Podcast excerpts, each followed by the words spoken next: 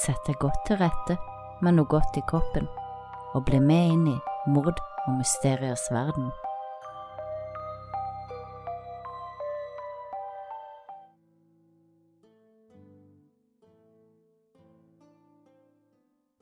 Den svært overtroiske Leonarda fikk panikk da hennes favorittbarn ble kalt inn i militæret for å klargjøre seg for andre verdenskrig.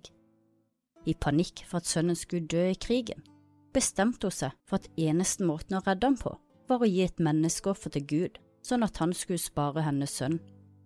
Og det hun gjorde med ofrene sine etter deres død, fikk innbyggerne i byen til å grøsse.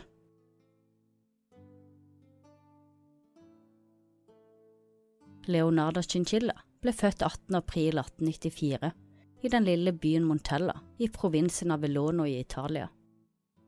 Leonardo kom til verden etter at hos sin far Mariano voldtok hennes mor Emilia Dinolfi. For ikke å bringe skam over seg selv og familien sin, måtte Emilia gifte seg med voldtektsmannen, da hun oppdaget at hun var gravid med lille Leonardo.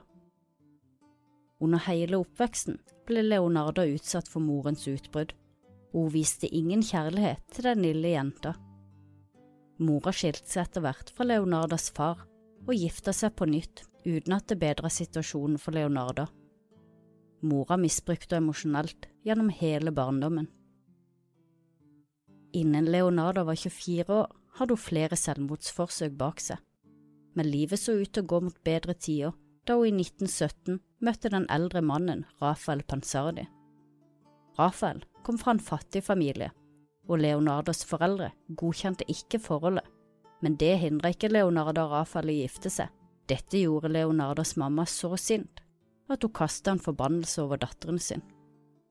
I 1921, fire år etter at Leonardo gifta seg med Rafael, så flytta de til Montello og til byen Loria sør i Italia. Begge fikk seg jobb, og ting så lyst ut da Leonardo en dag ble arrestert og kom i fengsel for å ha svindla arbeidsplassen sin. Rafael slutta i sin kontorjobb og begynte å drikke daglig. Så fort Leonardo ble løslatt, så flytta hun og Rafael videre til Lakedonia. Etter bare en kort stund ble huset deres ødelagt i et jordskjelv. De slo seg til slutt ned i byen Corregio i provinsen Regio Emilia. Rafael og Leonardo skilte seg etter kort tid, og Leonardo åpna en såpebutikk som etter hvert ble svært populær. I tillegg drev hun også som spåkone og hypnotisør, og hun hevda helt spesielle evner som skulle hjelpe kundene i å få drømmene sine oppfylt. En av kundene hennes var 73 år gamle Faustina Setti, en ensom ugift og fattig kvinne som ofte gikk til Leonarda i håp om at hun kunne hjelpe henne å finne en ektemann. Leonarda var godt likt og høyt respektert i byen Corregio. Alle visste at hun var svært overtroisk og forklarte det med hennes tøffe bakgrunn. 17 ganger hadde Leonarda vært gravid, hvor 13 av disse døde. Tre var spontanaborter, og ti av barna døde av forskjellige sykdommer mens de ennå var spedbarn. Det mange ikke visste, var at Leonarda mange år tidligere sjøl hadde gått til ei spåkone som hadde fortalt Leonarda at hun kom til å gifte seg for barn, men at alle barna ville dø. Dette gjorde at hun ble ekstremt overbeskyttende for sine fire gjenlevende barn så da hun sin førstefødte sønn Giuseppe, som hun forguda over alt annet, ble innkalt til militæret, ble Leonarda knust. Hun ville beskytte Giuseppe for enhver pris, og det var nå, i møte med sin største frykt, blant tårer og snørr, at den overtroiske Leonarda fikk for seg at ved å gi Gud et menneskeoffer, ville det sikre at Gud ikke tok hos sin sønn. Og ganske snart så la hun en plan over hvem hun skulle drepe og hvordan hun skulle utføre det. Leonardas første offer var den ensomme gamle nabodama Faustina, som ofte gikk til Leonarda i håp om at hun skulle finne en ektemann til henne. Og en dag kunne Leonarda fortelle henne at hun endelig hadde funnet en mann som passa perfekt. Mannen bodde i Kroatia, og Faustina fikk beskjed om å holde det hele hemmelig og ikke fortelle noen om mannen før hun kom til Kroatia. For å gjøre det hele enda mer troverdig, skrev Leonarda brev til Faustina fra den mystiske mannen. Så fikk hun sønnen til å postlegge dem på sin reise gjennom Kroatia.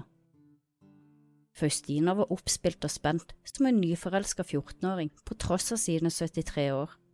Hun pakka kofferten og farga det grå håret i en lysebrun tone, før hun gikk over til Leonarda for å si et siste farvel, før hun skulle reise over til sitt nye liv i Kroatia. Da Faustina kom inn i Leonardas leilighet, ble hun tilbudt et glass med vin for å feire hennes nye mann og liv. Det Faustina ikke visste, var at Leonarda hadde putta et sovemiddel i vinen hennes, og da medisinen begynte å virke, slo Leonarda henne med en øks bakfra i nakken så hardt at hodet nesten ramla av.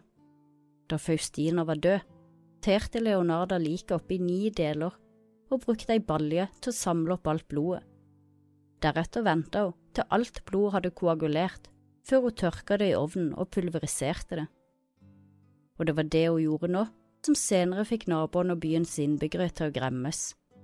Hun blanda det pulveriserte blodet for offeret sitt i ei bolle, sammen med mel, egg, melk, smør sukker og sjokolade, og laga tekaker som hun de neste dagene serverte til kundene sine.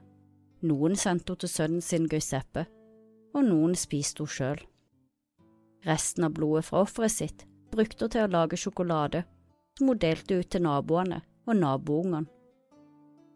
Naboene kjente av og til litt ekkel lukt som kom fra Leonardes kjøkken, men lukta forsvant som regel etter kort tid, så de tenkte ikke noe mer over det. Først i ettertid forsto de at det var lukten av kokte mennesker. Under rettssaken i 1946 fortalte Leonardo hva hun hadde gjort med resten av kroppen til Faustina. Kroppsdelene hadde hun putta i ei gryte, deretter hadde hun tilsatt syv kilo kaustisk soda som hun til vanlig brukte til å lage såpe med. Hun rørte i blandinga til kroppsdelene gikk i oppløsning og ble til en tykk, mørk stuing. Deretter helte hun blandinga over i flere bøtter, som hun senere dumpa i en nærliggende septiktank. Leonarda hevda at hun følte at ett offer ikke var nok til å redde hennes sønn, så derfor valgte hun sitt neste offer bare kort tid etter drapet på Faustina. Det har vært spekulert i om motivene for de neste drapene var økonomiske, da Leonarda mottok penger etter deres død, men selv har hun alltid benekta det. Offer nummer to var naboen Francesca Sovi, og hun ble lurt på samme måten som Leonardas første offer. Francesca var en arbeidsløs ensomlærerinne, og nå hadde Leonardo fortalt henne at hun hadde funnet en flott jobb til henne på en pikeskole nord i Italia. 5. september 1940 møtte Francesca opp i leiligheten til Leonardo en siste gang før hun skulle reise videre til sin nye arbeidsplass. Igjen ga Leonardo offeret sitt vin med sovemedisin, og så fort det begynte å virke, slo hun naboen til døde med øksa.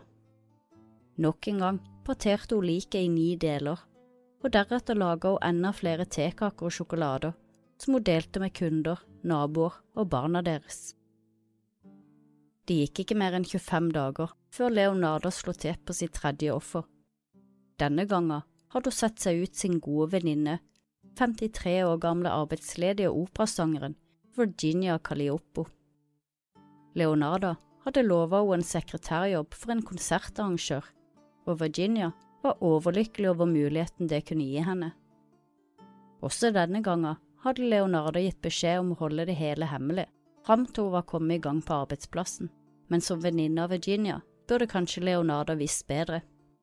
For Virginia var ikke den typen som klarte å holde på hemmeligheter, og hun fortalte til flere at hun snart skulle få gjøre noe stort takket være Leonarda, som alle kjente fra byens såpebutikk, og som en respektert spåkone. 30. september 1940 besøkte Virginia Leonarda en siste gang, før det hun trodde skulle bli avreisen til et nytt og bedre liv, for å si sitt siste farvel og takke Leonarda for muligheten hun hadde gitt henne. Leonarda tok fram vinen og rakte venninnen glasset, og så utbringte de en siste skål for Virginia. Fort medisinen begynte å virke, drepte Leonardo henne bakfra med øksen, slik hun hadde drept sine to forrige naboer. Men Virginia endte ikke bare opp som tekaker, sånn som Faustina og Francesca. I sine memoarer beskrev Leonarda hvordan hun hadde partert Virginia og så puttet kroppsdelen i en gryte. Hun beskrev Virginias hud som hvit og feit, og sa at da alt hadde smelta i gryta, så tilsatte hun ei flaske parfyme, og etter at det hele hadde kokt ei lang stund, fikk hun til å lage en deilig kremete såpe. Dette hadde hun ikke fått til med massenett og sine to første ofre, da de hadde blitt til en tykk, mørk blanding, uegnet til såpe. Såpene hadde Leonardo gitt bort som gaver til naboer og bekjente. Hun skrev også at tekakene hun hadde laget av Virginias blod, smakte mye bedre enn de to andre ofrene, og hun hadde tilføyd den dama var virkelig søt. Men Virginia var ikke like ensom som Leonardas to første ofre, og ble derfor raskt etterlyst da familiemedlemmer ikke fikk tak i henne. Svigerinna meldte hun savna til politiet, og fortalte at siste gang hun hadde sett Virginia, var hun på veien i leiligheten til Leonarda.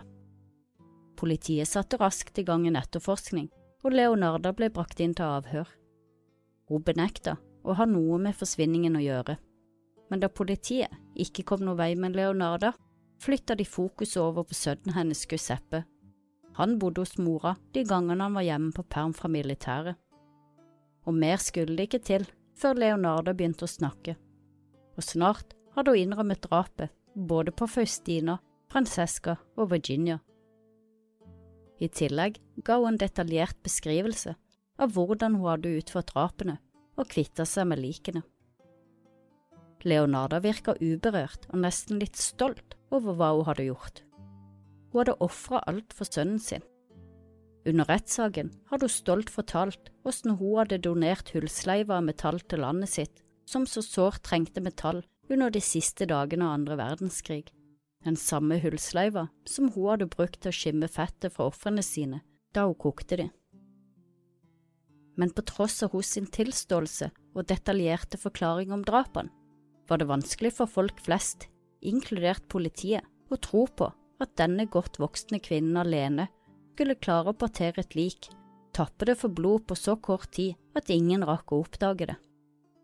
De mistenkte sterkt at sønnen Giuseppe hadde hjulpet henne, og han sto også tiltalt til morens fortvilelse.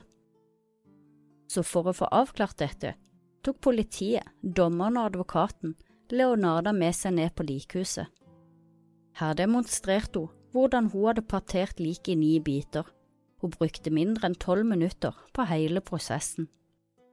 I rettssaken kom det også frem at det var Leonardas sønn Giuseppe som hadde postlagt kortene til Faustina fra det hun trodde var sin fremtidige ektemann i Kroatia. Leonarda hadde bedt sin sønn om å postlegge dem for henne, uten at han visste om hva hennes hensikt var. Hun hadde også pakka inn noen bein fra ofrene sine, som hun fikk Giuseppe til å kaste i elva. Giuseppe og mora hevde hele veien at han ikke visste at han gjorde noe som hadde med morens kriminelle handlinger å gjøre. Selv så hevda hun at hun gjorde det i god tro om at Gud ville spare sønnen hennes hvis hun ofra disse kvinnene til Gud. Akto derimot mente at hun hadde gjort det med et økonomisk motiv. Etter både Francesca og Virginia hadde det tilfalt penger til Leonarda, til sammen 4000 dollar, som på den tida var svært mye penger. I tillegg hadde Leonardo gått gjennom leiligheten til sin venninne Virginia etter drapet og stjålet flere verdifulle gjenstander som hun hadde solgt videre. Hun hadde også solgt smykker og klær for ofrene. Men retten trodde på Giuseppe og på Leonardo. Giuseppe ble frikjent, mens Leonardo ble funnet skyldig i drapene. Hun ble dømt til 30 år i fengsel og tre år på en institusjon for kriminelle, hvor hun til slutt døde den 15. oktober 1970, slik en sigøyner hadde spådd i hånda hennes mange tiår tidligere. Mens Leonarda satt i fengsel, skrev hun sine memoarer som hun navnga En bitter sjels tilståelse. Det hadde kommet tydelig fram under rettssaken at Leonarda likte oppmerksomhet. I memoarene, som var på over 750 sider, dokumenterte hun hele livet sitt. Her skrev hun at hun elsket menn, og at hun godt kunne tenkt seg å ha sex med kvinner. I tillegg til en detaljert beskrivelse av hvordan og hvorfor drapene ble begått, inneholdt memoarene hennes en detaljert beskrivelse og oppskrift av hvordan man på best mulig måte kunne lage såpe av et menneske. Hun la også med et eget oppskriftshefte i boken på kaker, kjeks og søtsaker, et hefte som blir brukt en dag i dag av den italienske programlederen for mat, Anna Moroni. Det sies at Leonarda ofte disker opp de lekreste søtsaker i fengselet, men at ingen av de innsatte ville smake på de. Søsteren til Leonarda derimot skrøt av hvor gode de var. Flere av gjenstandene som Leonarda brukte til å drepe ofrene sine med, er i dag utstilt på Kriminologimuseet i Roma under tittelen Såpemakeren for Corregio. I den senere tid er det blitt debattert om Leonardo var psykopat eller ikke, og en sjekklistetest laget av Robert Hare ble brukt for å forsøke å finne et svar. Det var 38 trekk, og hvert karaktertrekk kunne gi 0 til 2 poeng. En normal person vil normalt sett score under 10 poeng, mens 30 poeng eller mer kvalifiserer til å få stempelet psykopat. Leonarda skåra to poeng på flere av spørsmålene, blant annet at hun hadde et grandiost selvbilde, mangla skyldfølelse, var manipulerende, overflatisk sjarmerende og mangla empati. Totalt så endte hun opp med 16 poeng og kunne derfor sies å ikke være psykopat, ifølge Robert Hairs test Sjekkliste for psykopater. Mest sannsynlig var Leonardo et offer for sin egen mentale helse, som med sin allerede sterke overtro henga seg helt til den overtroiske verden, da spåkonens spådom om at alle hennes barn skulle dø, gikk i oppfyllelse. Etter å ha mista 13 av 17 barn, var det ingenting som kunne overbevise Leonarda om at ikke også hennes fire levende barn kunne dø når som helst. Og denne frykten gjorde at hun ikke klarte å tenke rasjonelt i sine handlinger. Så ble hun så overbeskyttende at hun var villig til å ofre alle, inkludert seg selv, for at barna hennes skulle få leve. Men det er også en mulighet for at Leonardo etter sitt første drap fortsatte å drepe for andre grunner enn å ofre til Gud for å redde barna. Hun uttrykte aldri noe anger over drapene, og hun både smilte og lo i retten, og dro ofte en spøk. Og hvem vet, hun hadde drept enda flere om ikke hun hadde blitt arrestert. Kanskje ble hun til slutt bare en gal kvinne med psykopatiske trekk, som nøt at alle elsket og skrøt av de nye såpene og tekakene hennes med den hemmelige ingrediensen bare Leonarda visste hva var.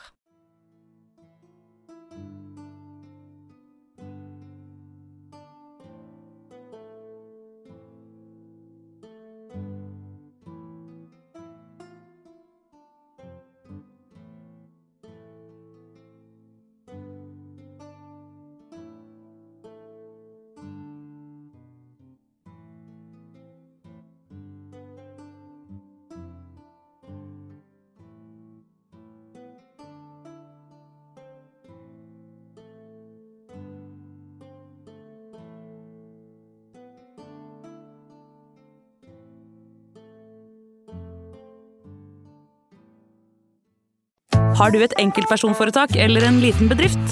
Da er du sikkert lei av å høre meg snakke om hvor enkelt det er med kvitteringer og bilag i fiken, så vi eh, gir oss her, vi. Fordi vi liker enkelt. Fiken superenkelt regnskap.